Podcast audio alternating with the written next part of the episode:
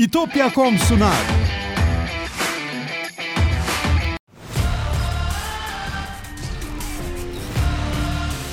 Tekno Seyir sunucu sponsoru DGN Teknoloji. Teknoseyir'e hoş geldiniz. Geçen haftanın öne çıkan teknoloji haberlerini derlediğimiz haftalık gündem değerlendirmesi yayınıyla yine birlikteyiz. Bu senenin 8 numaralı yayını bu. 19-24 Şubat tarihleri arasındaki teknoloji gündemini gözden geçireceğiz.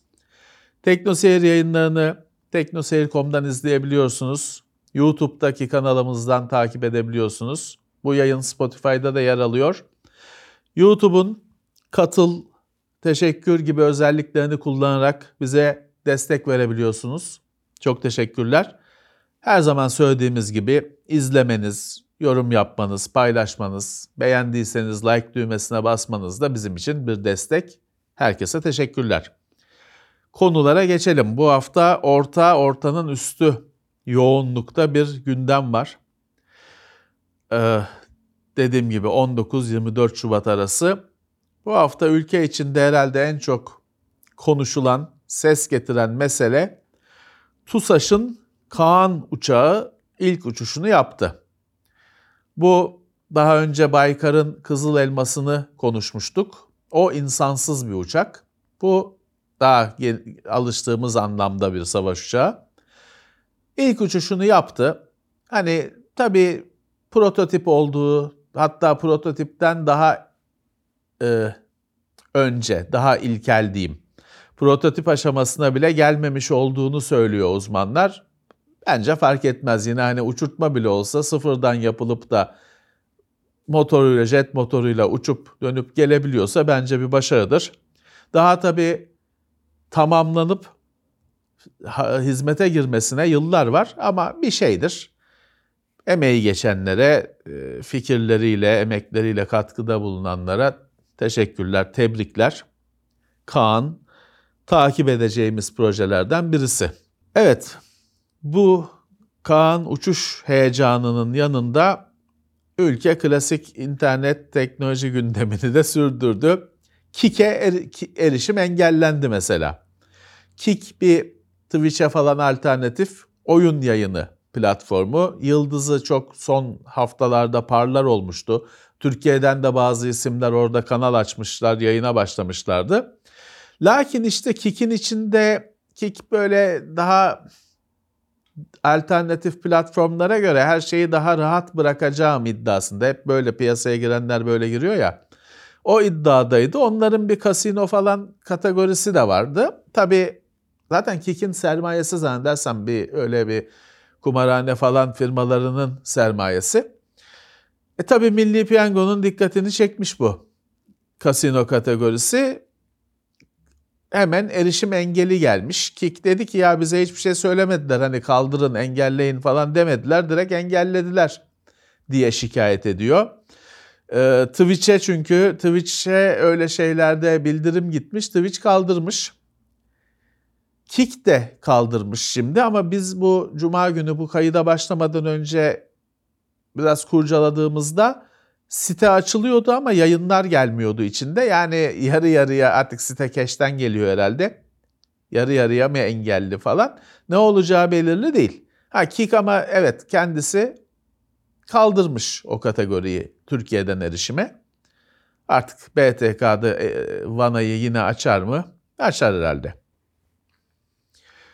Ya orada bizlerin tüketici olarak ya da internette bir işler yapan kişiler olarak bizlerin çıkartacağı ders şu bak adam diyor ki ya hani bildir kaldır mı ne bir sistem vardı. Gördüğünüz gibi öyle bir şey yok. Kafaya koydular mı pat diye haber haber vermeden engelliyorlar. Zaten yine konunun içinde olanlar hatırlayacaktır. Bu haber haber vermeye gerek kalmasın. Ol diyelim olsun düzenlemesi de geçtiğimiz yıllarda yapılmıştı.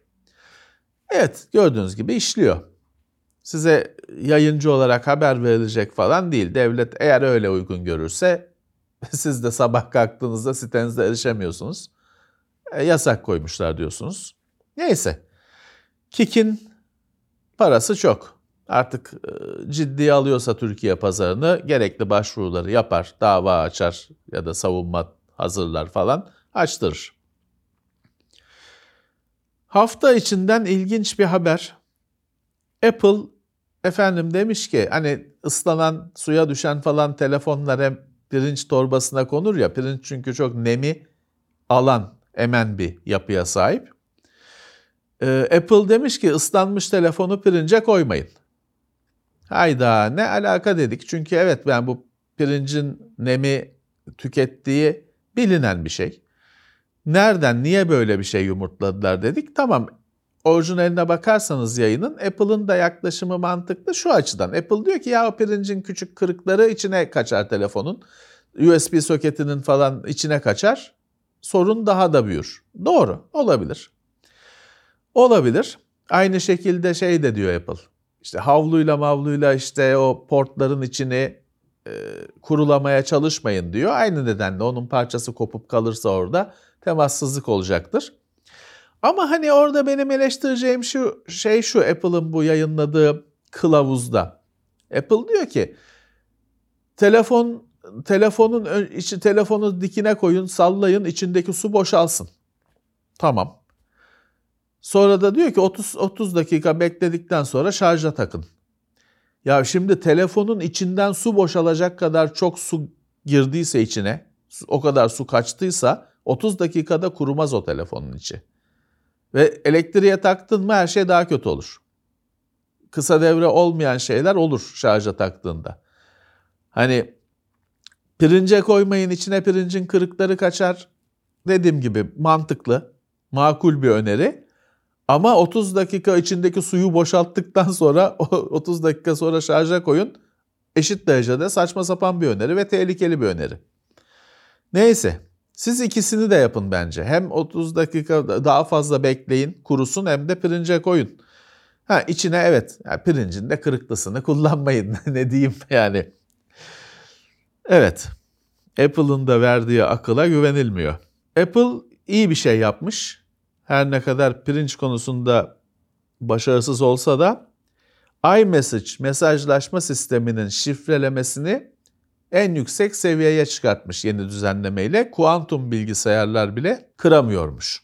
Şimdi teknolojide, bilişimde öyle bir mesele var. Şu kuantum bilgisayar konusu hayal edildiği gibi tam gücüyle hayata girerse kriptoloji, şifreleme falan hepsi bitiyor.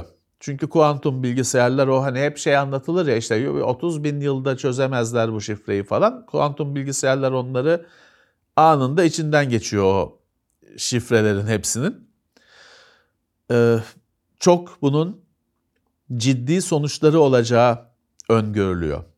Çünkü şöyle mesela yine Teknoser'in geçmiş yayınlarından hatırlarsınız. Biz size deriz ki ya filancanın bir verileri çalınmış ama o veriler şifreliymiş. İşe yaramıyormuş. Hep deriz. İşte o şifreli işe yaramıyor dediğimiz veri paketlerini bu işin ekmeğini yiyenler, erbapları, korsanlar, hackerlar delete tuşuna basıp silmiyorlarmış, saklıyorlarmış. Günü gelince bu kuantum bilgisayarlar falan elimizin altına gelir, geçer. O şifreleri açarız biz diye. Bu işin içindeki oyuncuları, aktörleri o veri şifrelenmiş verileri falan da saklıyorlarmış günü gelecek diye. İşte kuantum bilgisayarlar geldiğinde biz tüketici olarak bize ne yararı olacak sorsanız bir yanıtım yok. Ama ne zararı olacağını biliyorum. Şifreleme denen şey bitiyor. Her neyse işte onun da kuant, efendim kuantum bilgisayarların kıramayacağı şifreleme sistemleri varmış. Hiçbir detay vermiyorlar haberde. Nasıl oluyor bilmiyorum. Apple da ona geçiyormuş. Eh. Ee, verilerinizin çalınıp kırılmasından güvendesiniz. Ama ha telefonun çalınması şif şey ekranı açıkken telefonun çalınması ister kuantum olsun ister üç kere kuantum bilgisayarla şifrelenmiş olsun bir şey değişmiyor. Bir ilginç mesele bu hafta Google Google haberlerine geçelim. İlk mesele çok ilginç. Şu Gemini çıktı konuştuk. Google'ın yapay zekasının yeni motoru diyelim. Bard yerine Gemini olmuştu her işe yarıyor falan filan öyle sunuldu. Hakikaten bugün Google'ın hangi servisine girseniz biraz da hani birkaç gün kullanmayıp bir hafta kullanmayıp hangi Google servisini açsanız bir yapay zeka kutusu çıkıyor. Merhaba ben yardım ederim artık buradayım falan diye. Neyse hafta içi şöyle ilginç bir mesele oldu.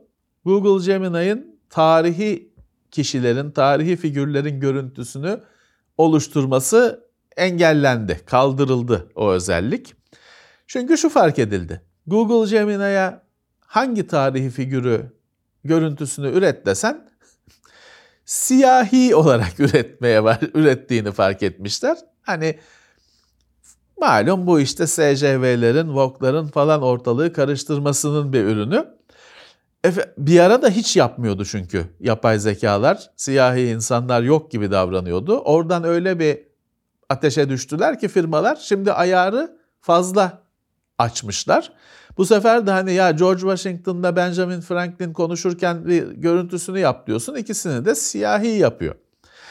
E, onlar da değil sonuçta. Tarihi hangi figürü söylesen öyle esmer, çikolata renkli yaptığı için o da bu sefer bir problem yarattığı için sorun çözülene kadar durdurmuşlar. E, halledeceklerdir ama ayar tutmuyor. Bir ya bir uca savruluyor ya öbür uca savruluyor bu sistemler. Ee, Netflix o Netflix Netflix yapay zeka sistemi gibi aslında. Netflix'in hoşuna gitmiştir. İskoçyalı Macbeth'i onlar da siyahi yaptı. Neyse. Google'dan Google yine Gemini'yi her yere ekliyor dedim ya. Bir de onun ücretlisini geliştirmiş. Bu Workspace, Google'ın işleriniz için e-mail falan e, iş yeriniz için kendi domaininizde Gmail sağlayan, başka hizmetler sağlayan Workspace'e ücretli Gemini eklentisi gelmiş. 20 dolar kadar bir fark vererek Gemini hizmetlerini de o paketinize ekliyorsunuz. Biraz pahalı bulunmuş çünkü normalde o paket 6 dolar mı ne başlıyor. Üzerine hani 20 dolar gibi bir fark biraz yüksek bulunmuş. Bir de klasik Google haberi. Hep bir şeyler gider ya Google'dan, bir şeyler ölür ya yine bir ölen var. Google Pay. Amerika'da kapanıyormuş. Ha şey değil, Wallet'a geçecekmiş. Zaten Wallet diye bir sistem var. Orada ilginç bir hikayesi var. İşinden çıkmak çok zor. Aslında zaten Google Wallet var. Sonra Google Wallet Google Pay oluyor. Şimdi yine Google Pay Google Wallet oluyor falan gibi bir durum var. Bizde zaten Google Pay çalışmıyordu. Amerikalılar da işte Wallet'la devam edeceklermiş. Ne iş yapıyorlarsa onu kullanmaya. İflas edenlerden en önemlilerinden birisi geçtiğimiz aylarda konuşmuştuk. Vice. Vice hem bir web sitesi hem o web sitesinin bir sürü kardeş web sitesi, ailesi var. Medya grubu diye geçiyor. Önemli bir yayındı. Hani her zaman tartışmaların ortasında çeşitli e, skandal mı diyeyim işte tartışmalı meseleler diyeyim içinde olan bir yayında ama önemli bir yayındı. İflasını istemişti zaten duymuştunuz konuşmuştuk. Şimdi artık bütün her şeyden geriye kalan en son Vice.com web sitesi bu siteyi de kapatacaklarmış. Demişler ki hani hala bir editör ekibi var hala bir içerik falan üretiliyor. Biz bu içeriği isteyenlere parasıyla satacağız, içerik sağlayacağız demişler. Vice.com sitesini dahi kapatacaklarmış. Pek bir iz kalmayacak gibi. Birçok tartışmalı bir diğer isim Reddit. Reddit içeriğini yani o içerik de sizlerin yazdığı, bizlerin yazdığı mesajlar, paylaştığı içerik bu içeriği yapay zeka firmalarının kullanımını açıyor. Hani yapay zekaları eğitiyorlar diyoruz ya içerikleri kullanarak. Reddit tabii ücretini alarak yapay zeka firmalarının kullanımına sunacakmış. Birkaç tane e, şey gelişti, hemen tartışma gelişti. Kimisi hani diyor ki biz bunlar, bizim yazdığımız mesajlar e, ne hakkınız var? Ama tabii Reddit'e para ödemiyorsun, bir şey ödemiyorsun. Hani o mesajlarda sen, sen yazmışsın ama Reddit'te onlardan işte onun ekmeği o olarak görüyor demek ki. E diğer taraftan tabii çok daha düşündürücü başka bir tartışma açtı bazı düşünenler. Ya şimdi Reddit tabii insanların gönüllerince yazdıkları bir platform. Mesaj panoları vardı ya eskiden bizim sitelerin. Onun çok küresel olanı gibi düşünün. E şimdi burada gayet güzel yazılmış, dil olarak da düzgün, içerik olarak da mükemmel mesajlar da yer alıyor. Abuk subuk, dil olarak da felaket, içeriği yalan, yanlış, şaka Mesajlar da yer alıyor. Yapay zekayı bunlarla eğitmek ne kadar başarılı olacak? Yapay zeka şakaları anlayacak mı? Artık onu da firmalar e, takdir ediyordur herhalde. Başka bir kullanıcı şeyi tartışıyordu hafta içinde mesela bu görsellerden de işte malzeme yapay görüntü oluşturan yapay zekalar internete açılmış milyonlarca görüntüden besleniyor ya. Kendi ürettiklerinden beslenmeye başladıklarında ne olacak? Ya da şu anda besleniyorlarsa o hep konuştuğumuz işte eller el sorunu, ellerin bir sürü parmaklı olması, yamuk yumuk olması, oturan figürlerin falan üç bacak, dört bacak olması, kol, üç kol, dört kol olması figürlerde bir de öyle görüntülerle geri beslenmeye başladığında hiç çözülmez herhalde ama bu işte uğraşanlar onların hepsini biliyordur bence. Güvenelim. Reddit'ten bir haber daha var. Reddit borsaya açılıyor. Borsaya açılıyor. Hisseleri satışa sunulacak 5 milyar dolar bekliyorlarmış bu borsaya açılmaktan. Kote olmak mı deniyor galiba öyle. 5 milyon dolar gelir bekliyorlarmış. 5 milyar dolar büyük para. Evet Reddit geçen senelerde hep bu moderasyon krizi falan konuşmuştuk. Hepsi unutuldu. Şimdi iyi gidiyor gözüküyor hani büyümek anlamında. Bir e, fidye yazılımlarıyla tüm dünyayı tehdit eden bir hacker grubunun Lockbit grubu küresel bir operasyonla çökertildi mi desek? Tam da yani çökertildi demek de doğru değil çünkü adamlar ya bir şey olmadı falan şey var. Birkaç kişi yakalanmış. Bunların serverları, web siteleri, domainleri falan devletler el koymuşlar. İşte alt elektronik e, altyapılarına, serverlarına falan el koymuşlar. Birkaç kişi yakalanmış. Daha büyük isimlerin yakalanması için milyonlarca dolar ödüller konmuş. Bir operasyon yapılmış. Ama ilginç tarafı biraz da ne bileyim ironik mi, düşündürücü mü grup açıklamalar yapmış. Diyorlar ki hani o el konulan serverların falan hepsinin yedeği var zaten. Onlardan bir şey olmaz diyorlar. O yakalanacak kişiler için de demişler ki biz daha o siz o kişilerin bilgilerini bulun, yayınlayın biz daha çok para veririz. O devletlerin koyduğu e, ne denir? Bounty ödül parasından daha çok para veririz biz. Siz o kişilerin bilgilerini yayınlayın. Onlar o kadar gizli demişler. Gülmüşler biraz. Acımadı ki. Hani açıklaması yapmışlar. E acıdı diyecekleri yoktu zaten. O yüzden burada güvenemezsin. Sadece takip edeceğiz.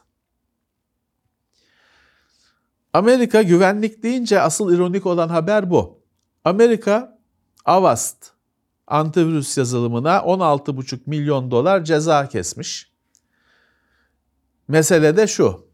Sizin güvenliğinizi sağlayacak olan, sizin bizim güvenliğimizi sağlayacak olan Avast'ın yüklendiği sistemlerde kullanıcıların internette gezişlerini takip edip sonra da bunu Avast'ın partnerlerine bu kullanıcıların internet gezisi alışkanlıklarını, tarihçelerini Avast'ın partnerlerine satıldığını fark etmişler.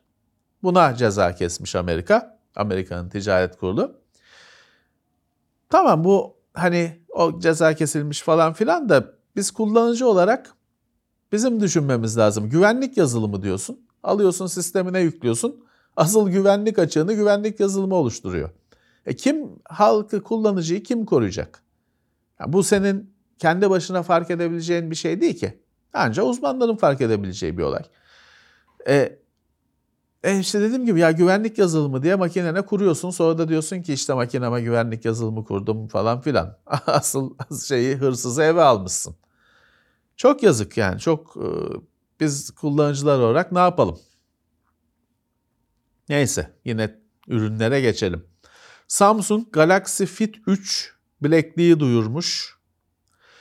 Ee, bu bantlara ne demek lazım? Bir tam karşılığı da yok. Biz teknoseyirde düşündük düşündük bileklik dedik. Yani bileklik deyince de onun aksesuar yani ziynet eşyası gibi olanı akla geliyor ama yani bant desek onun da çok anlamı yok. Galaxy Fit 3. Samsung bu Galaxy Fit'i bayağı bir güncellememişti. 2 yıllardır duruyordu. 3 ekranı büyütmüş. 1.57 inç OLED ekran. 13 gün pil ömrü diyor. Kalp atışını falan ölçüyor yine. Tahmin edersiniz o sağlık adım sayıyor. Sağlık özelliklerini, spor özelliklerini beklersiniz zaten. Ekran iyice büyümüş. 1.57 inç OLED tam renkli ekran. Donanımdan devam edelim. Intel yani dünyadaki en gelişmiş e, işlemci üretimini biz yapıyoruz. Yeni en pahalı, en gelişmiş fabrikayı kurduk falan açıklamalar yapıyordu ya. Intel'in başkanı şey dedi, biz dedi AMD için de işlemci üretmeyi bekliyoruz dedi. Umuyoruz dedi. Hatta Lisasu'nun ismini de verip AMD ve Lisasu için işlemci üretmeyi bekliyoruz demiş. Intel acaba üretim kısmına mı önem verecek? O konuda zaten lider. Şeyi de belirtmişler. Intel'in demiş bir Intel yonga üretimi bölümü var. Bir de Intel ürünleri var. Bunlar birbirine karışmaz demiş. Hani biz Intel olarak AMD'ye üretim yaptığımızda bizim bir şeyimiz, sırrımız AMD'ye gitmez. AMD'nin bir sırrı bize gelmez. Bunlar birbirine karışmaz diye altını çizmiş. Ee, Intel'in en yüksek ismi. Şimdi donanımlarda ekran kartlarının güç bağlantısı her hafta haber oluyor. Şimdi bir ilk Nvidia'nın kartlarında 600 Watt'a kadar güç aktaran 12V HPVR diye bir bağlantı türü çıkmıştı. Gördünüz 4000 serisi kartlarda bizim incelemelerde de. Sonra o işte efendim tak oturmuyor, tık sesi gelmiyor falan filan takip ettiniz bütün tartışmaları. Buna H artı, H plus, H artı demişler. H plus demek lazım tabii. Buna böyle artık denmeye başlanmış. Bir de onun hani iyileştirilmişi, revizyona e, revizyon görmüşü vardı ya. O revizyon görmüşünün 675 watt aktarabileceği belirtilmiş ve buna H double plus 2 artı H double plus. Bunun böyle isimlendirilmeye başlandığını fark etmişler. Ama şu var. 4000 serisinin süper kartları TeknoSeyir'de de hepsine yer verdik. Onlarda hala bu bağlantının çoğunda kullanılmadığını fark etmiş yabancı kaynaklar. Bu bağlantının adı da 12V yani 12 volt 12V çizgi 2 çarpı 6. Böyle bir ismi var. Şuna basit bir isim konsa ne güzel olacak da yok. Tamam. Demişler ki ya 4000, 4000 serisinin süperleri bu yeni bağlantıyı çoğu kullanmıyor, bir öncekini kullanıyor. Böyle bir şey ortaya çıktı. Sonra da daha da kafa karıştıran bir şey. Nvidia'nın bir sonraki ekran kartlarında yani tahminen 5000 serisi olacak. 5000 serisinde PCI Express 6 güç bağlantısını şart koşacağı yani düşük modellerde bile onun kullanılacağı bilgisi bir yerlerden sızmış. Şimdi bu deminki güç bağlantısına PCI Express 5 bağlantısı da diyorduk. PCI Express 6 bağlantısı. Bu nereden çıktı derken bir açıklama yapmışlar. O haberleri eklemişler. Efendim bu PCI Express 6 bağlantısı demin söylediğim bu H artı artı H double plus yani 12 volt çizgi 2 çarpı 6 olan bağlantı olacakmış. Artık karma karışık bir durum. Şu bilgisayar teknolojisinde şu standartların isimlendirilmesi, uygulanması niye böyle çorba gibi oluyor bilemiyorum. Ha ama bu es yani yeni ATX 3.0 güç kaynağı PCI Express 5 bağlantılı güç kaynağı almış olanlar üzülmesin. O fiş bu kartlara da takılacak. Zaten hani şu anda bu H artı artı bağlantısını sağlayan, fişini sağlayan, özel bir fiş sağlayan bir güç kaynağı şu anda bilmiyorum. Evet, gayet karışık ve tatsız bir mesele. Nvidia'dan iki haber daha var.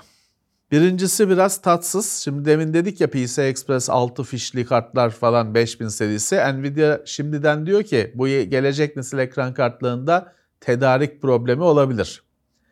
Yani zor bulunacak Az adetli üretilecek en azından başta.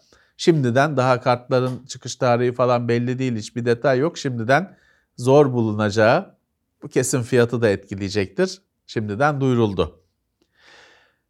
Bir tane de güzel haber var. Hani hepimizin akşam evde deneyebileceğimiz bir şey. Nvidia bu artık yıllardır kullandığı kontrol paneli uygulaması.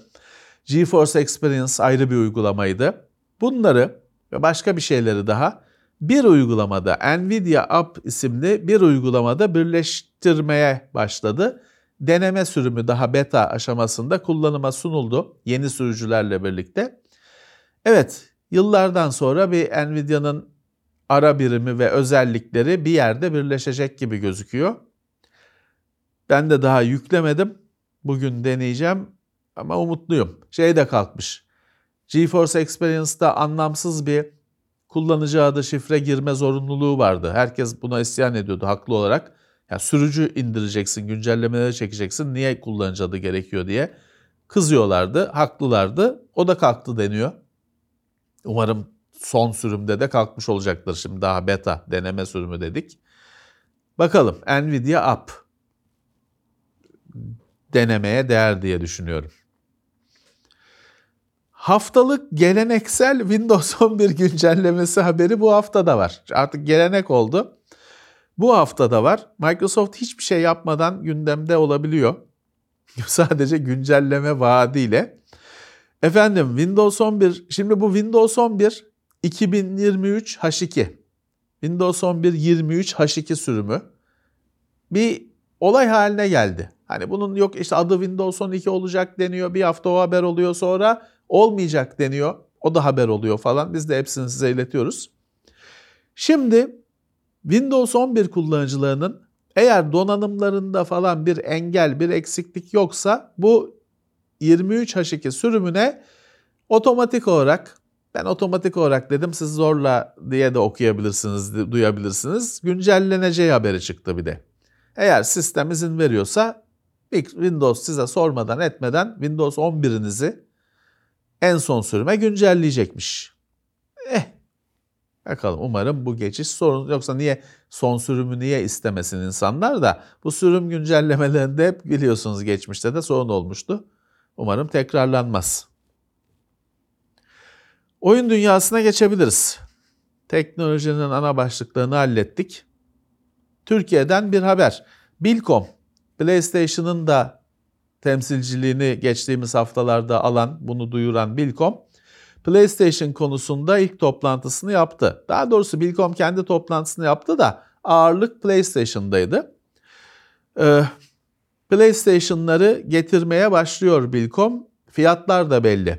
PlayStation 5'in yenilenmiş PlayStation 5 diskli versiyonu 27.999. 28.000 ben diyeceğim ben buna. Dijital sürümü hem silim yenilenmiş hem de dijital optik sürücüsü sürümü 25.000 lira. PlayStation Portal yani şu PlayStation'a uzaktan erişmenizi sağlayan elinizde tuttuğunuz ekranlı cihaz Mart ayında satışa sunuluyor 12.000 lira.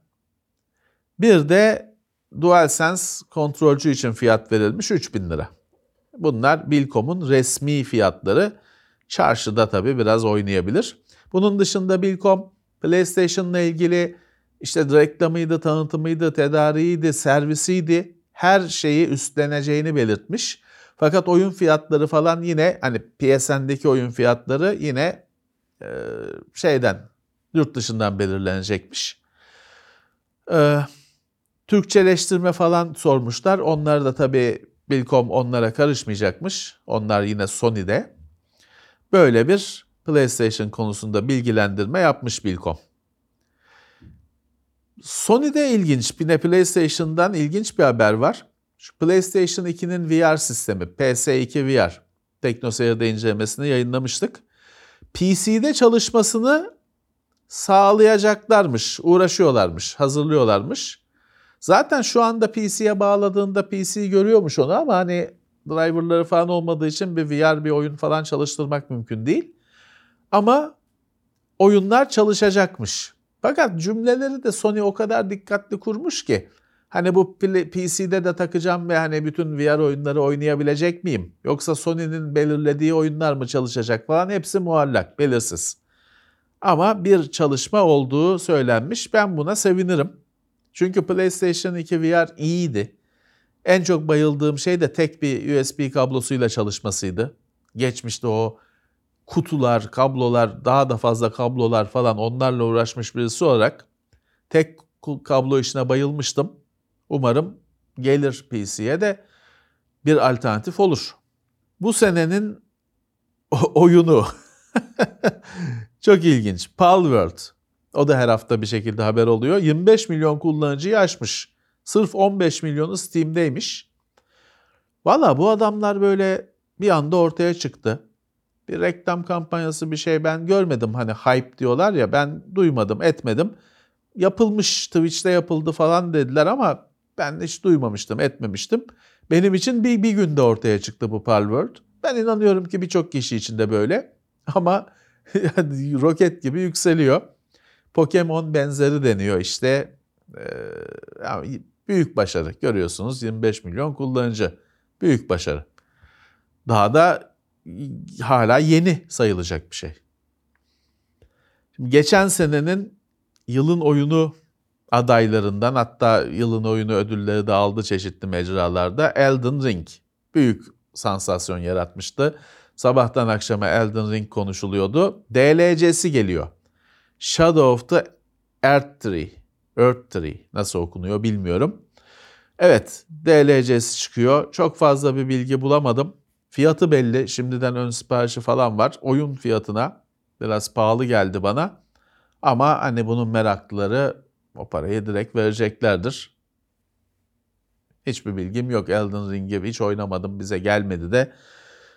Oynayanları izledim. Ben beceremem dedim. Bilgim sıfır. Elden Ring'in e, oyunu, şeyi, hikayesi, olan bitenler, bu ağaç nedir falan bu konularda bir bilgim yok. Ha bildiğim bir oyunlardan bir haber var ama. Star Wars Battlefront. Yıllarda süren bir seri. Battlefront 1 ile 2. Classic Collection diye bir pakette bunları bir araya getirmişler. 14 Mart'ta çıkıyormuş. DLC'leriyle birlikte Battlefront 1, 2 bütün eklentileriyle tek pakette güncel sistemlerde konsol, PC oynanabilecekmiş. Bu da iyi haber. Battlefront çok eğlenceli, keyifli bir oyundur. Oyun serisidir. Evet, 19-24 Şubat arasının teknoloji gündemi böyleydi. Biraz bizim çekimimiz bugün sancılı oldu. Çok ara vermek falan zorunda kaldık. Bilmiyorum ne kadar yansıyacak sizin kulaklarınıza kapıların çalması falan filan. Ama hallettik ya çok şükür.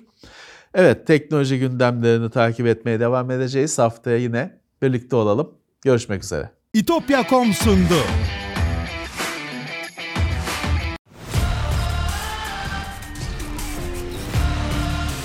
Tekno Seyir sunucu sponsoru DGN Teknoloji.